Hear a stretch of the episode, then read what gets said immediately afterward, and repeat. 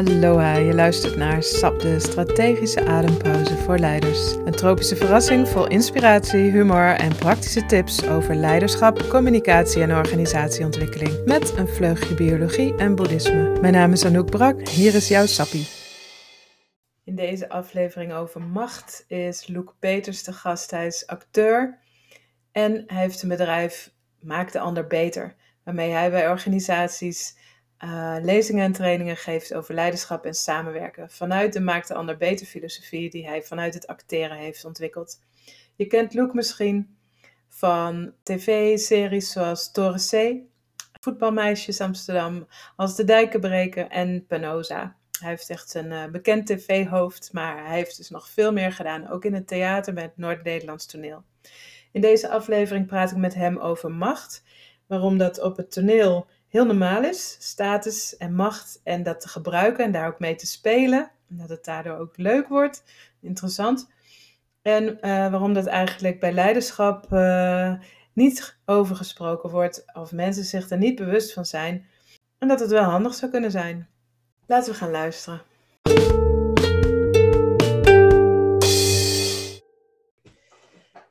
Luc, wat leuk dat je er bent. Van harte welkom. Hi, hi. Hi, ik, uh, je stond uh, vrij boven aan mijn lijstje om uh, met je te praten, omdat je verstand hebt van een aantal dingen, namelijk organisaties en leiders, maar ook je bent acteur. En we hadden het over, ik weet niet meer hoe we erop kwamen, misschien jij wel, maar je riep, macht is overal, macht is altijd. En, en ik dacht, ja, acteurs weten dat, maar weten leiders dat ook? Dus ja, ja. hoe zit dat? Nou ja, er is altijd overal een machtsverhouding. En een gezagsverhouding, en dat klopt. Ehm, en bij acteurs, ja, bij macht. Ehm, kijk, bij acteren gaat het heel vaak over status. En ik denk dat status en macht zijn in die zin hetzelfde. Je hebt natuurlijk meer macht of minder macht. Je hebt een hogere status of een lagere status. En als acteur is dat altijd belangrijk over hoe je je eigen rol gaat spelen. Dat je uh, moet weten wat de status van andermans rol ook is. Als ik een onderdaan ben en uh, er zijn alleen maar onderdanen in een scène, dan is dat makkelijker. Of tenminste, dan weet ik dat. Maar um, als ik weet dat er in die scène op een gegeven moment opeens de koning binnenkomt, ja, dan moet ik me daar dus anders toe verhouden. En dan niet anders toe verhouden in de zin van dat je dan uh, uh, de lageren in rang bent en dat je maar je daar naartoe moet voegen. Maar dat je je ervan bewust moet zijn dat die ander iets anders moet spelen en dat jij hem daartoe kan faciliteren. Hmm. Dus als ik, zeg maar, uh, als de koning binnenkomt en ik ga juist groeien in mijn uh, uh, aanwezigheid, dan maak ik het hem dus lastiger om de koning te zijn. Terwijl als ik hem zijn status geef, dan kan, hoeft hij zelf die status niet meer te gaan spelen. Dan krijgt hij die. Dus als ik hem zijn macht geef, die hij nodig heeft voor zijn rol, dan uh, kan hij bezig zijn met, nou, wat voor soort koning wil ik zijn? Dus dan kan hij eigenlijk bezig zijn met wat hij buiten zijn macht nog meer wil hebben. Of dat hij aardig wil zijn, of dat hij tijd of ruimte heeft om te luisteren, of dat hij tijd en ruimte heeft om uh, na te denken wat voor soort machtig persoon hij wil zijn. Hmm. Dus eigenlijk, als je acteert, ben je altijd wel bewust in ieder geval in je achterhoofd van is dit gelijke status, hogere of lagere status? Ja, op het toneel is dat zeker wel iets waar je je altijd toe verhoudt. En ga je het daardoor ook makkelijker herkennen in het echte leven, om het zo maar te zeggen? Mm. Ja, dat, dat weet ik niet of je daardoor makkelijker gaat herkennen, maar je gaat het wel, denk ik, makkelijker um, gebruiken, bespreken. Um, makkelijker ermee omgaan dat je weet, oké, jij bent dus de leidinggevende. Prima. Um, hoe kan ik zorgen dat jij zo goed mogelijk leidinggevende kan zijn? Dus je gaat er daar um, van, vanuit dat idee dat ik degene moet faciliteren om zo goed mogelijk een koning te spelen, hmm. moet ik ook een ander zo goed mogelijk faciliteren om een leidinggevende te zijn. En ehm, juist daardoor, door dat te snappen, um, zit je dus niet in een afwachtende houding, maar ga je veel sneller uh, een gelijkwaardigere uh, verbindenis aan. Dus ik denk dat ik weet niet of ik het sneller herken, maar als het nu eenmaal zo is dat bepaald iemand een bepaalde functie heeft, dan denk ik niet, oh, dat is de grote baas. Nou, daar kan ik niks aan toevoegen. Ik luister maar braaf. Hmm, want dat is, dat is een reactie die veel mensen in ieder geval onbewust ook hebben en waar ze soms last van hebben. En dat ligt ook aan de leidinggevende zelf. Want je moet als leidinggevende ook duidelijk maken dat ehm, jij maar zo goed bent als dat zij jou laten zijn. Dat zie ik. Dat hoor ik een leidinggevende nooit letterlijk zo zeggen. Ik ben zo goed nee, als tenzij ze voor mij training hebben gekregen. als ze voor mij training, dan dat is het stukje dat ze ook vaak minder leuk vinden. ja, waarom vinden ze dat moeilijk? Ja, omdat dat natuurlijk ehm, heel erg uh, ze dwingt om, om in te zien dat je als leidinggevende eigenlijk een facilitair beroep hebt. Hm. In plaats van dat het over jou als leidinggevende gaat. Nee ja, hoe hoger op de ladder, hoe meer mensen je moet faciliteren zo goed mogelijk hun werk te laten doen. Dus, dus als je als leidinggevende zegt, ik ben zo goed als dat jullie me laten zijn, bedoel je eigenlijk help mij om jullie te helpen? Ja. Ja. Oh, ja. Dat is, en het fijne eraan is dan wel weer voor een leidinggevende. Ehm, op het moment dat je uh, onderdanen of uh, uh, je medewerkers lager in functie zeggen: ja, maar hij doet niet dit of zij doet niet dat en je bent een slecht leidinggevende, dan kun je ook weer terugkoppelen. Nou ja, dan heb je mij blijkbaar niet goed genoeg daartoe in staat gesteld. Ja, dat is een beetje makkelijk, Luke. Nee, maar die wederkerigheid, nee, maar die wederkerigheid is heel fijn. Ja.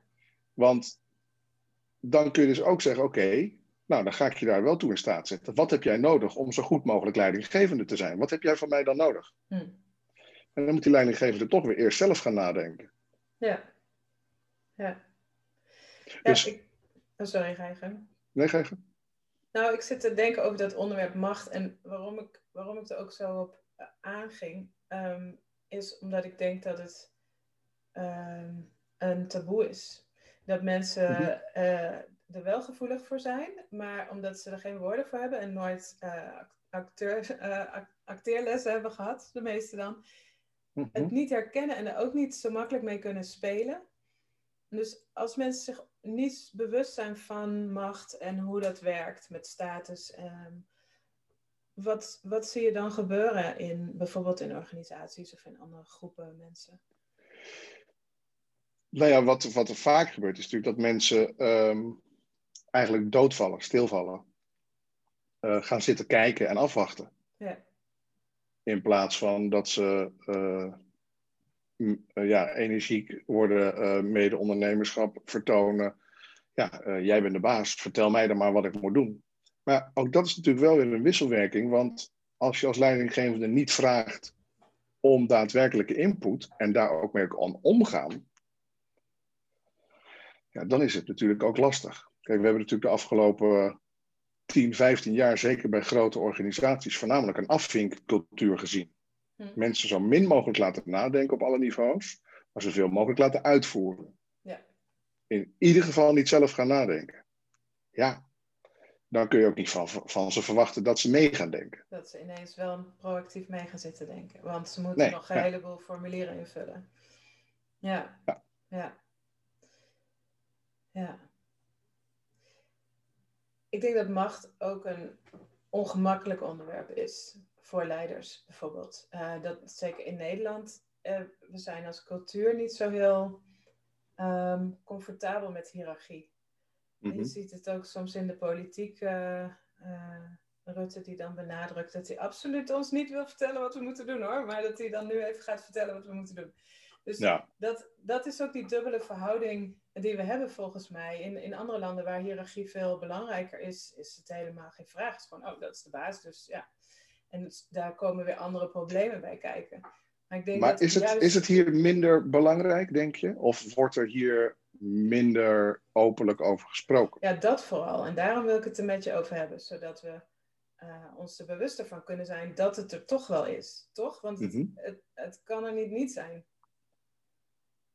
Nee, dat denk ik niet. Ik bedoel, ehm, je hebt nu eenmaal mensen die meer in de melk te brokkelen hebben.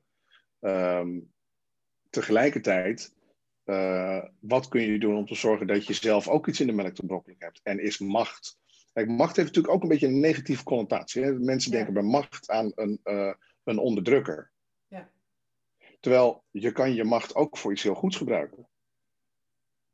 Ehm, als je, eh, nou ja, om weer even terug te vallen op die koning. Je kan zelf kiezen, dat vraag ik wel eens aan eh, de mensen die ik train. Wat voor soort koning wil jij zijn? Hm. Wat voor soort leidinggevende wil jij zijn? Heb je er wel eens over nagedacht? Wat voor soort mens? Weet je wel, wat, hoe wil je dat mensen met elkaar omgaan? Eh, wil jij de koning zijn die eh, zijn onderdanen te eten geeft of die er met de zweep overheen gaat? Wat voor soort koning wil jij zijn? Gewoon heel simpel. En ik denk dat als je mensen daartoe dwingt om daarover na te denken, wat voor soort leidinggevende wil ik zijn? Ja. dan wordt het ook veel makkelijker om te bespreken dat je eh, op sommige functies of op sommige gebieden misschien macht kan hebben. En tegelijkertijd ben je ook weer afhankelijk van die ander. ja. Heb je? Dus En- macht en is ook maar zo ook- relatief. Ja, de mensen hebben ook een heel arsenaal aan mogelijkheden om, om macht te saboteren, toch? Volledig. Kun je daar eens wat, wat, wat voorbeelden van geven? Of van het theater of van de organisaties? Nou ja, kijk, in het, ehm, in het theater is het natuurlijk leuk als je eh, eh, weet dat degene met wie je aan het samenspelen bent in een scène, dat die hoger is in rang. Ehm, en dan kun je met elkaar afspreken. Ik heb dat een keer met een voorstelling gehad. En dan heb ik gewoon chemische scène afgesproken, niks. Alleen maar gezegd, luister, wat er ook gebeurt, jij mag bij mij alles doen. Maar ik ben hoger dan jij, dus ik moet er overheen. Hm. Dus als jij mij een klap in mijn bek geeft, dan ga ik er overheen. Kijk maar. En dat is heel leuk. Dus wij hebben elkaar echt avond, 85 keer een voorstelling spelen. En avond na avond in die scène, ik kwam op, we keken elkaar aan. En we gingen het daar ter plekke staan uitvechten. En als die andere acteur, ik noem geen namen, maar als hij dan iets deed van eh, wat mij denigreerde, of mij probeerde klein te maken, dan moest ik dus iets verzinnen om daar overheen te gaan, want ik moest wel mijn status behouden. Hm. Want dat was gewoon nodig voor het verhaal. Right. Als je op die manier kan samen gaan spelen, dat wordt zo ongelooflijk leuk. Dan hoef je namelijk niet af te spreken, nou ik tik op de bank en dan kom jij naast me Dan zitten. doe jij dat. Ja. En dan doe jij dat en doe je dat. Nee, dan ben je dus op een ander niveau met elkaar iets aan het uitvechten en aan het spelen. Terwijl je wel elke avond dezelfde tekst gebruikt. Exact dezelfde dingen zegt. Maar iedereen zei wel, jezus, die scène, jongen, dat is zo te gek. Hm. Jullie zijn echt aan het vechten is. daar. Het Ja, het is super Ja. spannend. Ja. En ik denk dat het in die manier ben je dus eigenlijk de ander deels aan het belemmeren om te spelen wat hij mag of moet spelen. Ja. Maar omdat je dat doet vanuit de intentie om het beter te maken of om, om, om, om de scène beter te maken en met eh goed vinden van de ander, ehm, ben je hem een beetje aan het belemmeren, maar daardoor wordt het totaal wel beter, omdat hij Hmm. gewoon actiever aan de gang moet. En Ja. ik denk dat dat. ehm, weet je, daarmee kun je dus. Je kunt macht eh, ondermijnen. Maar een beetje de macht ondermijnen is ook belangrijk om de macht beter te maken. Scherp te houden, beter te maken. Scherp te houden. Ja. En Ja. ehm, ik had het toevallig vandaag met iemand over. En ik denk dat bij heel veel van dit soort situaties in organisaties.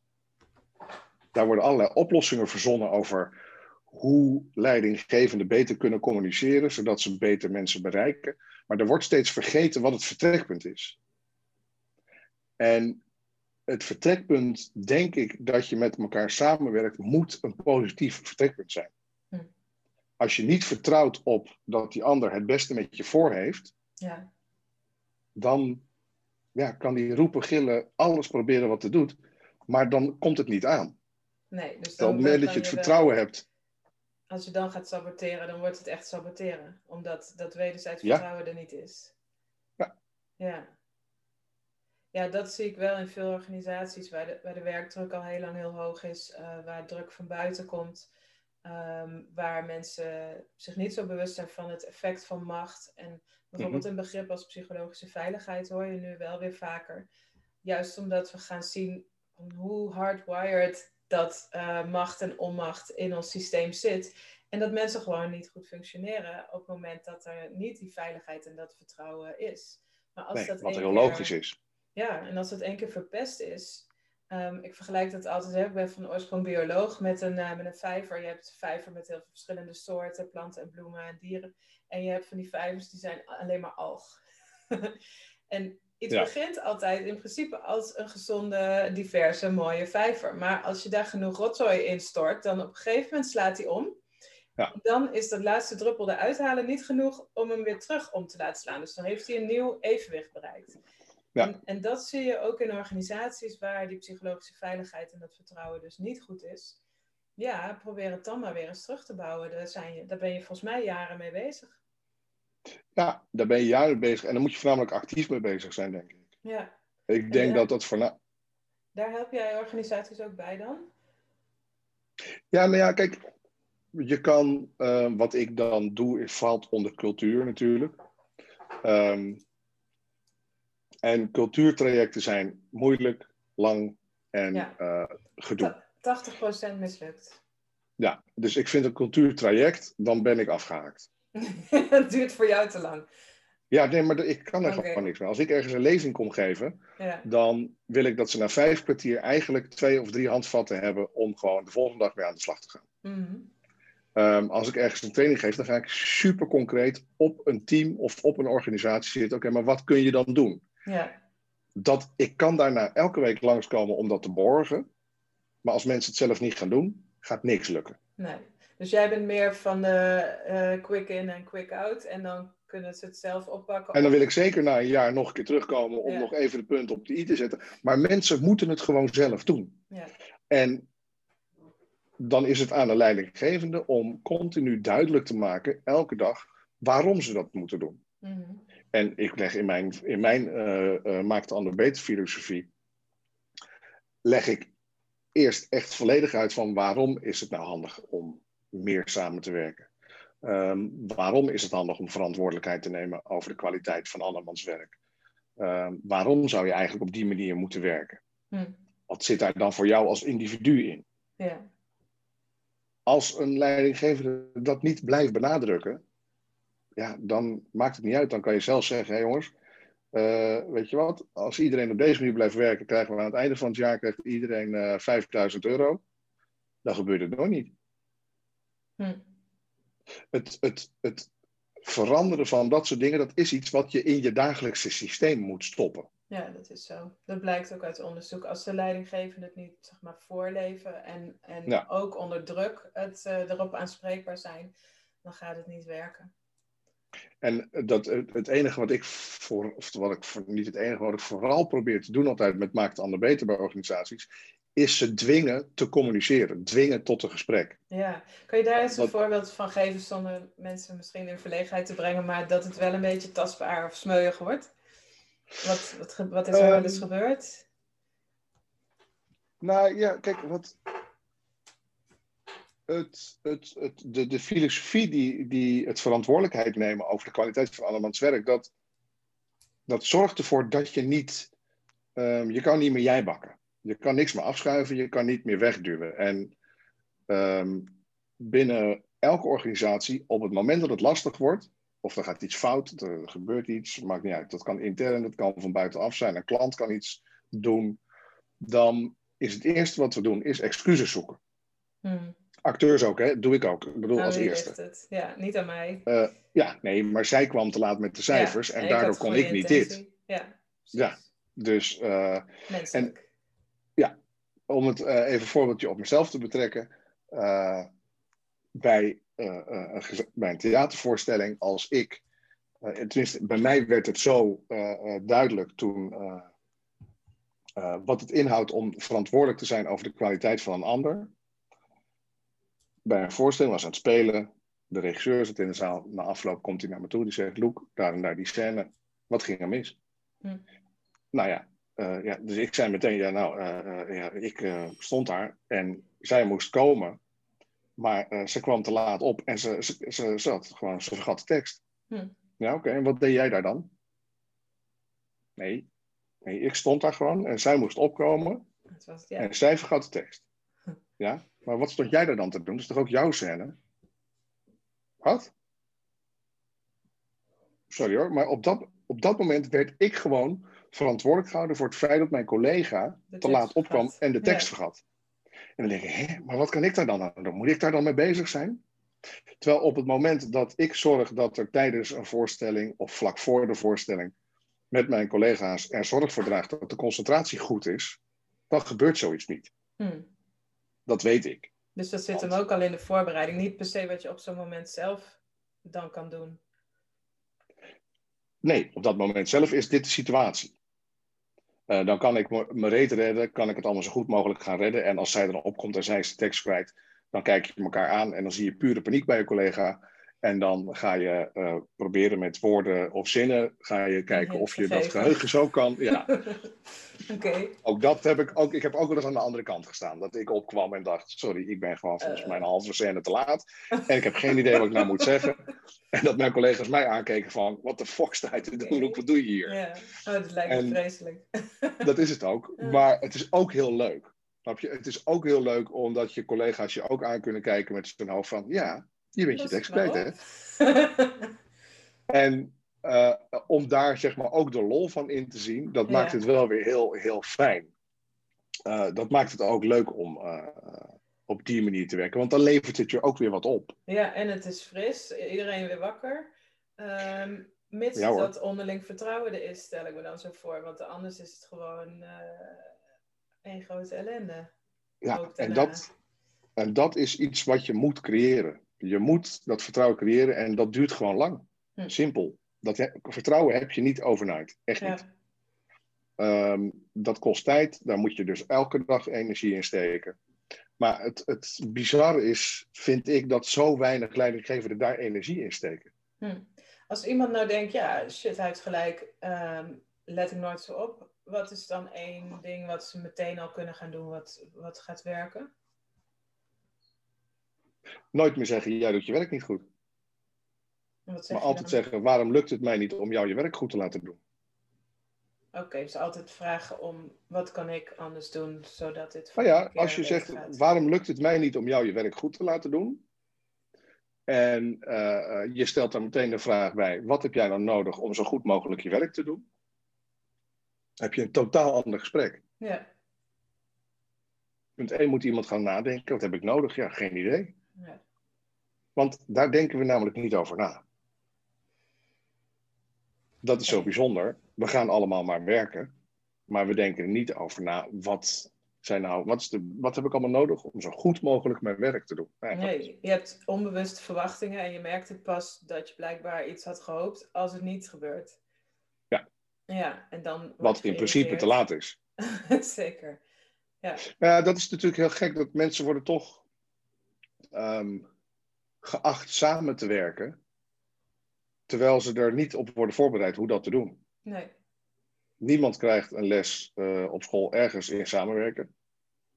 Dan word je gewoon niet opgeleid. Als jij maar goed je best doet, dan haal je, het wel. Je moet wel samenwerken, maar je leert niet over samenwerken. Nee. Ja. En als je bij een bedrijf komt werken, is het zelden zo dat je uh, op dag één uh, wordt verteld hoe er wordt samengewerkt, wat er in bepaalde conflict situaties gebeurt, hoe ga je met, uh, hoe communiceer je met elkaar. Er wordt eigenlijk gewoon een soort spel op tafel gegooid, hmm. met allemaal ingewikkelde velden en, en, en dingen, zonder beschrijving. En dat er wordt er ook gezegd, maar je moet het wel op de goede manier spelen. Nou, ja. veel plezier.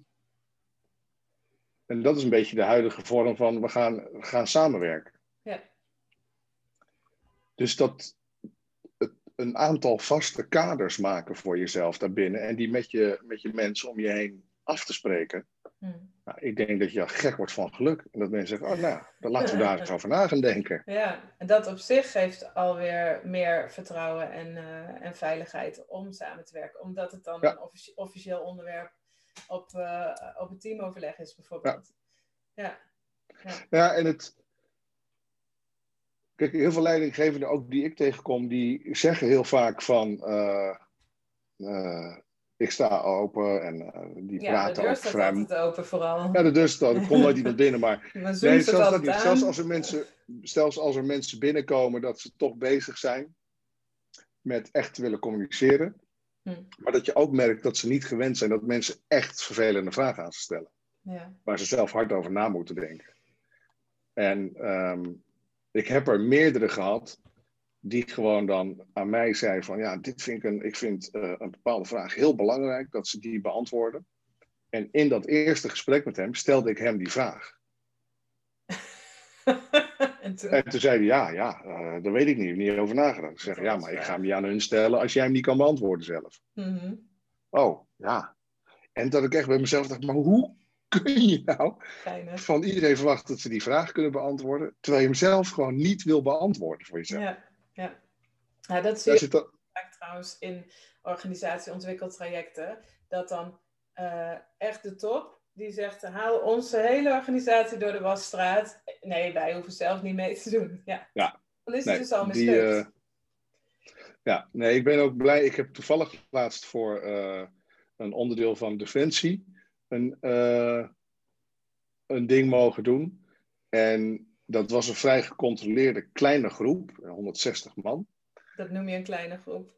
Dat was een kleine groep. Vet. En uh, uh, het mooie daaraan was dat ze, de leidinggevende daar die zei: Ik wil dat, je iedereen, dat iedereen jouw verhaal hoort. Hm.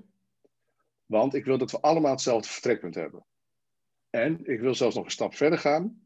En dat was het eerst een beetje deels van, oké, het is leuk, BN'er, en je, dan kunnen we ook aan de partners, want het was in het buitenland, dus de partners waren meegegaan hm. uh, met hun partner naar een ander land om daar te gaan werken. Dan hebben we als extra uitje voor de partners dan dat ze een beetje een meet and greet met jou hebben. Maar door corona kon dat niet. En uh, toen zijn we erop uitgekomen om voor de partners die dus thuis zaten, um, een eigenlijk eenzelfde soort sessie te doen als dat ik voor het personeel heb gedaan. En het was een streaming, helemaal op hun gericht, waar ik in vertelde: dit is wat jullie uh, partner op werk geleerd hebben. Dit is waar ze mee bezig moeten zijn.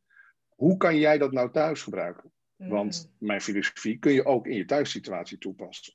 Dus waar zit hem dat dan in? Hoe kun je hem versterken? Hoe kan hij jou versterken? Ja. En uh, dat was super interessant. Daar kwamen dus zoveel uh, positieve reacties op, omdat zij dus niet alleen het personeel erin hadden betrokken, maar ook de thuissituatie. Nou, ja, En dat, dat vond ik wel echt soort. Ja, top. Ja. ja. Ik denk dat dat heel, dat, dat, dat heel vaak wordt vergeten. Dat, um, weet je, wat heb je nodig om zo goed mogelijk je werk te doen? Wat heb ik dan thuis nodig? Mm. Weet je wel, dat, alsof dat twee verschillende werelden zijn. Ja.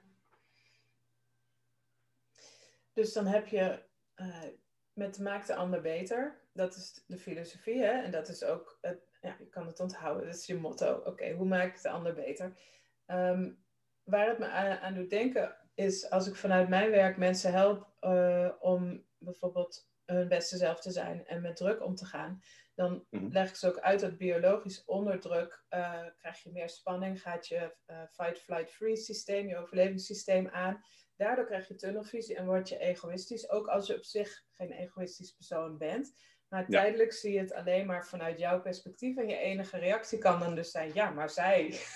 ja, maar hij. Want ja, jouw intenties klopten en uh, jij kon er verder niks aan doen.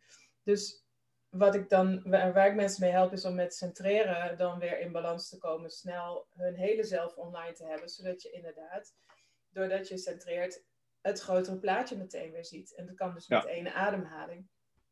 Uh, en je focus verleggen. En dan kan je jezelf bijvoorbeeld die vraag stellen: uh, hoe maak ik de ander beter? Dan heb je meteen uh, de nieuwsgierigheid weer aangewakkerd. En dan, eh, iemand zei een keer, dan ga je van irritant naar interessant. Dat vond ik ook een mooi, Ja, ja, ja. goed onthouden, goed Zeker. onthouden iets. Ja. Ja.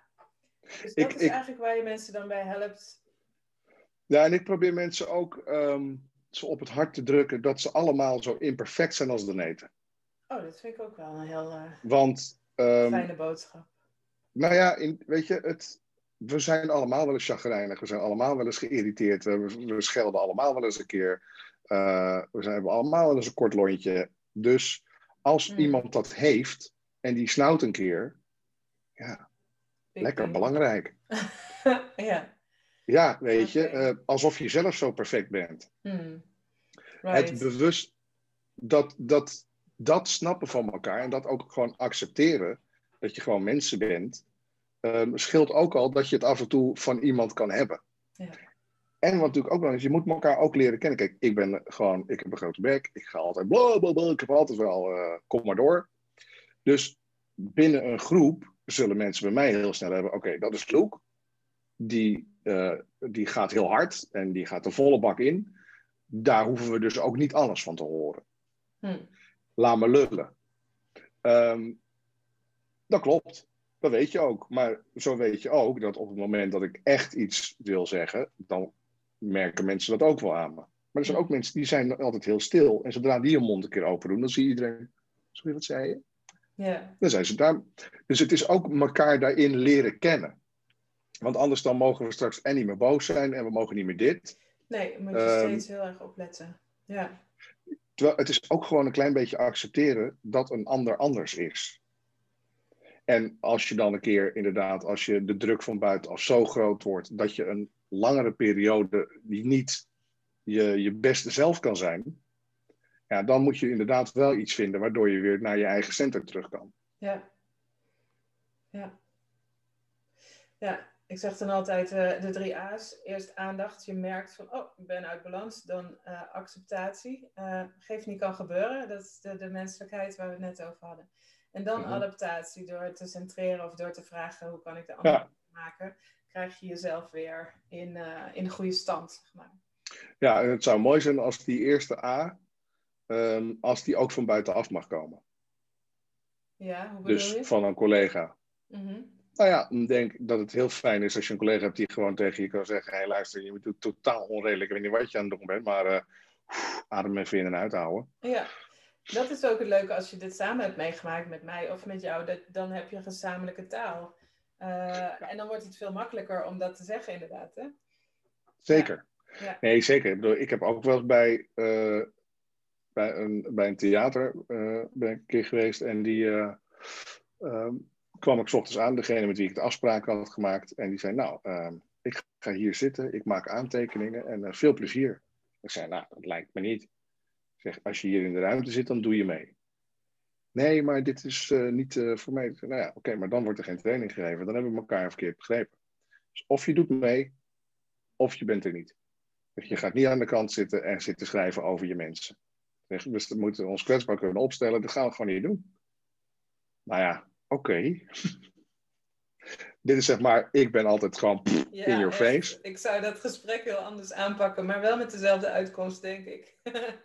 Ja, en Ja. ik zeg gewoon, ja, maar nee, het gaat gewoon niet gebeuren. Dan of je doet mee, lukken. of het gaat hem niet worden. ja, Dat is het. en toen deed En die persoon die ging dan ook, die ging mee. Hm. En eh, die, die, die, die zei ook achteraf, ja, is echt, hier had ik nooit gewoon aan de kant mogen blijven zitten. Dat klopt, dat was Mm. totaal niet kloppend geweest. Dus ik bedoel, ik zeg dat dan ook wel omdat ik denk, eh, eh, geen haar op mijn hoofd, Ja. dat je op, aan de zijkant gaat laten zitten. En het is zo belangrijk dat juist die leidinggevenden mee gaan doen. Ja, echt wel. Ja, mooi voorbeeld ook. En ook leuk hoe je dat dan gewoon durft te zeggen. Dat vind ik ook wel, wel goed wat mensen kunnen oefenen. Eh, hè, dat je niet altijd zo heel voorzichtig hoeft te zijn. Dat je er ook Nee. later nog op terug kan komen. En dat het dan juist eh, het vertrouwen kan vergroten doordat je dat gesprek kunt hebben. Nou ja, ik probeer ook best wel, en ik merk dat ook best wel hoor, op, in, bij oefeningen, dat mensen het heel lastig vinden om elkaar aan te spreken op dingen. Hm. En eh, kijk, als acteur sta ik altijd voor mijn collega's. En eh, op repetitiedag één, Nou, dan sta ik gewoon heel slecht te spelen en ben ik met allemaal dingen bezig. Dan krijg je 500 keer te horen: nee, dat is niet goed genoeg van je regisseur. En heel veel collega's die zeggen: oh, je kan dit, oh, je kan dat. Die staan gewoon echt. Right. Die staan gewoon dingen te roepen dat je denkt: ja, te veel. Shut up. Ja. Ja. Maar wel vanuit ja, wie je bedoeld. wil natuurlijk door. Maar elkaar ehm, feedback geven en gewoon kritiek is heel lastig, vinden mensen blijkbaar. Ja. En omdat ze toch niet het idee hebben dat het uit een goed vat komt. Dus ik ben daar, geef ik mensen ook heel bewust, moeten ze over elkaar dingen zeggen als ik trainingen geef. Gewoon te plekken. En soms zeg ik, nou, ga maar staan, wat heb je over die persoon te zeggen? Hoe vind je de kleren? Gewoon heel persoonlijk, heel vervelend. En dan kan ik ook zeggen, oké, als je dit zo zegt, denk je dat die ander daar beter van wordt of minder goed? Hm. Ja, dat vinden mensen zo lastig. Ja. Oké, dus je, en je moedigt ze aan om überhaupt dingen te zeggen. En dan ga je kijken. En als je dan wat zegt, kan je het dan ook graag zo zeggen dat mensen er beter van worden. Ja, en als je dat niet wil, dan weet je dat. Maar dan mag je dat ook wel even zeggen. Dat jij gewoon de collega bent in de groep die iedereen gewoon, die andere mensen graag een kopje kleiner maakt. Ja, Ik weet niet dan of is het, dat in ieder geval duidelijk. is dat in ieder geval duidelijk. Ja, Dan gok ik dat je er niet lang meer werkt. Nou, ja, nou, dat is wel Nou ja, weet je, dat is-.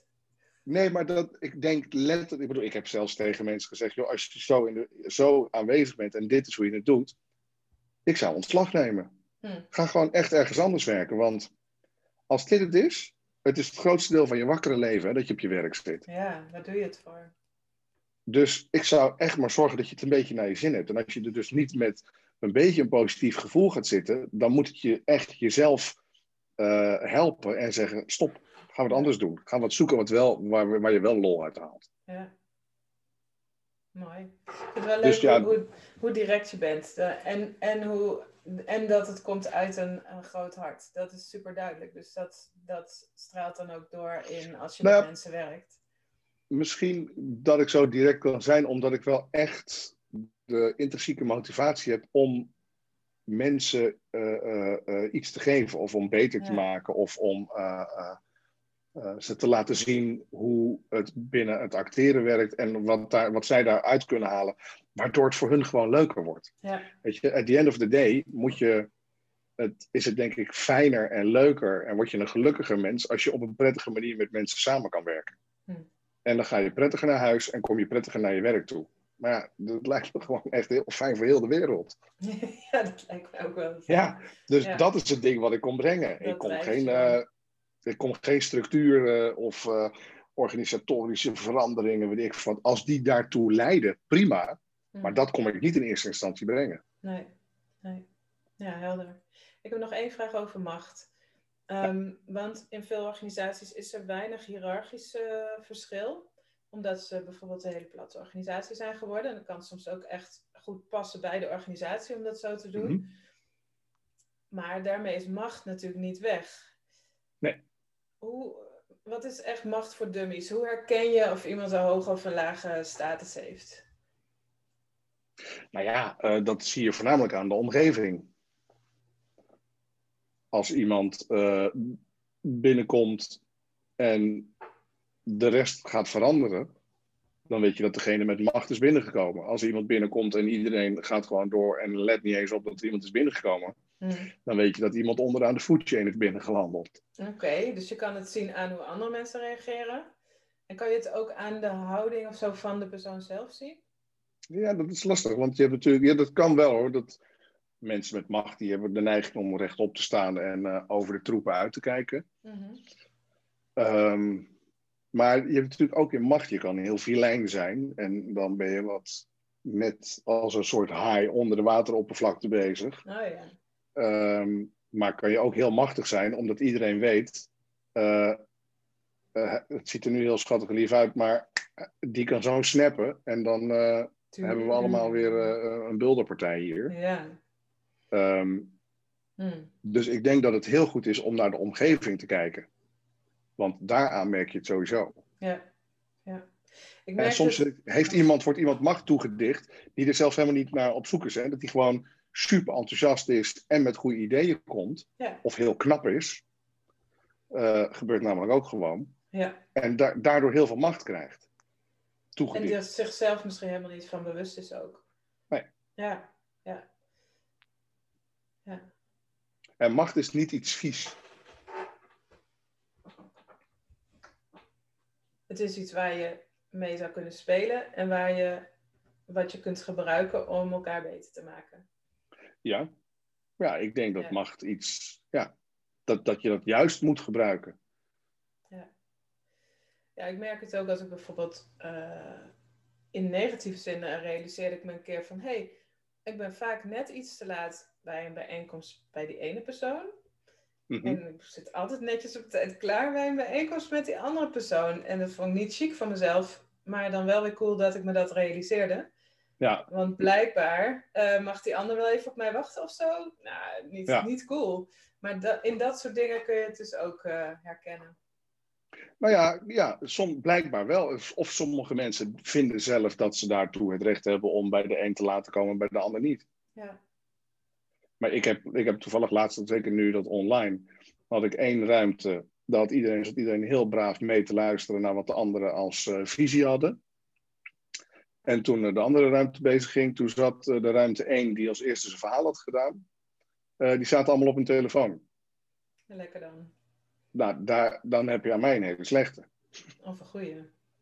Nee, nee, ja, dan krijg ik voor mij gewoon echt meteen eh, onderuit kan. Ja, Dan, dan zeg ik meteen, jezus, wat zijn jullie steeds asociale kleine kinderen. en wat is hier aan de hand? Ja, echt, dat je dit denkt, dat je zo kan doen. Je moet je oog uit je kop schamen. Hm. Hoe zou je het zelf vinden als er zo werd geluisterd naar jou? Daar ga ik dan ook niet met allerlei technieken over hoe je dat mooi kan zeggen. Nee, dan zeg ik gewoon echt, als je dit zo'n 1, 1, 1 plus 1 is 2. Mhm. Als ik die moet gaan uitleggen, dan moet je echt terug naar de lagere school. Hm. En blijkbaar vonden zij dat zij zo machtig waren dat ze dat konden doen. Ja, want ze hadden ook heel belangrijke andere dingen te doen. Geen idee. En het gekke is dat het dus ook nog geaccepteerd werd van de andere groep. Ja. Ja, dat is ook interessant om dan te kijken, eh, als je luistert, van wat wordt er eigenlijk bij ons geaccepteerd, wat eigenlijk heel raar is. Want omdat je in die cultuur Ja. zit, zie je dat op een gegeven moment niet meer scherp. Maar nu kun je daar dan weer eh, wat frisser naar kijken. Ja, nou ja, zoals dat voorbeeld, dat draai ik dan in de minuten daarna wel om. Dat ik tegen de groep zeg, die dus dat laat gebeuren. Dat ik zeg van, waarom zegt van jullie niemand hier iets over? Ja, het is ook hun want- verantwoordelijkheid. Ja, dus Ja. uiteindelijk zeg ik dan ook, want zij zitten allemaal met hun rug naar de camera en met hun telefoon in de hand. Terwijl, waarom laten jullie dit gebeuren? Jullie zijn er nu verantwoordelijk voor dat zij zo zitten. Kak. Dat vinden ze niet wel. Had je net lekker hun de schuld gegeven en eh, dan ligt het Ja. aan zichzelf. Ja. Maar dat doe ik eigenlijk altijd. Ik draait geef hem de altijd e- nog een keer om. Ja, want het is nooit alleen de ander zijn schuld. Het is ook je eigen schuld. Ja, Want jij laat het gebeuren. ja. En Mooi. dat, dat maakt het in die zin interessant dat je dus moet beseffen dat je veel meer macht hebt dan je denkt. Ja. Je Nice. kan veel meer macht uitoefenen op situaties dan je eigenlijk van tevoren denkt. Ja, dat geldt dus overal. Ja. Mooi.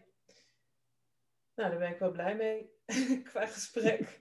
Ehm, is er nog een, eh, iets wat je wil zeggen ter afsluiting? eh, en je mag natuurlijk je website nog even noemen als mensen meer willen weten. En misschien heb je nog Als een mensen- tip. Meer willen weten eh, of gewoon eens een keer een gesprek erover willen voeren, maak dan de beter.nl. Eh, daar kun je mijn mailadres vinden of op LinkedIn kun je me vinden. Ja. Gewoon Loek Peters, maak het ander beter. En ehm, ja, ik vind het eigenlijk naast mijn acteren is dit gewoon echt ook een passie van me. Dus eh, als er mensen zijn binnen een organisatie die zeggen, joh, ik ben heel benieuwd of je überhaupt iets voor ons kan betekenen. Of dat je een keer een lezing komt geven na de coronatijd voor een grote groep. Gewoon bellen, gewoon vragen, eh, gewoon mailen. En dan eh, gaan we altijd eerst even praten. Want als ik niet het gevoel heb dat ik iets kan toevoegen, Dan kom ik niet langs. Mooi. Nee. Ja. ja. Oké, en als mensen één ding mogen onthouden, hij ligt een beetje voor de hand van dit gesprek, wat wil je dan dat ze onthouden? Oh, één ding maar? Ja, eentje. Oh, ah, lastig. Ehm, ja, dan blijf ik denk ik toch bij ehm, dat het vertrekpunt waarvan uit je met mensen samenwerkt het belangrijkste is. En ga samenwerken vanuit het idee dat je een ander beter maakt en niet kapot. Hmm. Ja. Dankjewel. Mooi. Graag Nou, gedaan. heel erg Leuk. bedankt voor het komen en eh, dat we het hierover konden hebben. Fijn. Graag gedaan. Aloha, bedankt voor het luisteren naar SAP, de strategische adempauze voor leiders. Heb je nog dorst? Ga naar anouka.nl voor gratis inspiratie, een strategiegesprek en mijn boeken De Verborgen Dimensie van Leiderschap en Leiderschap in Verandering. Ik ben Anouk Brak, tot de volgende SAP.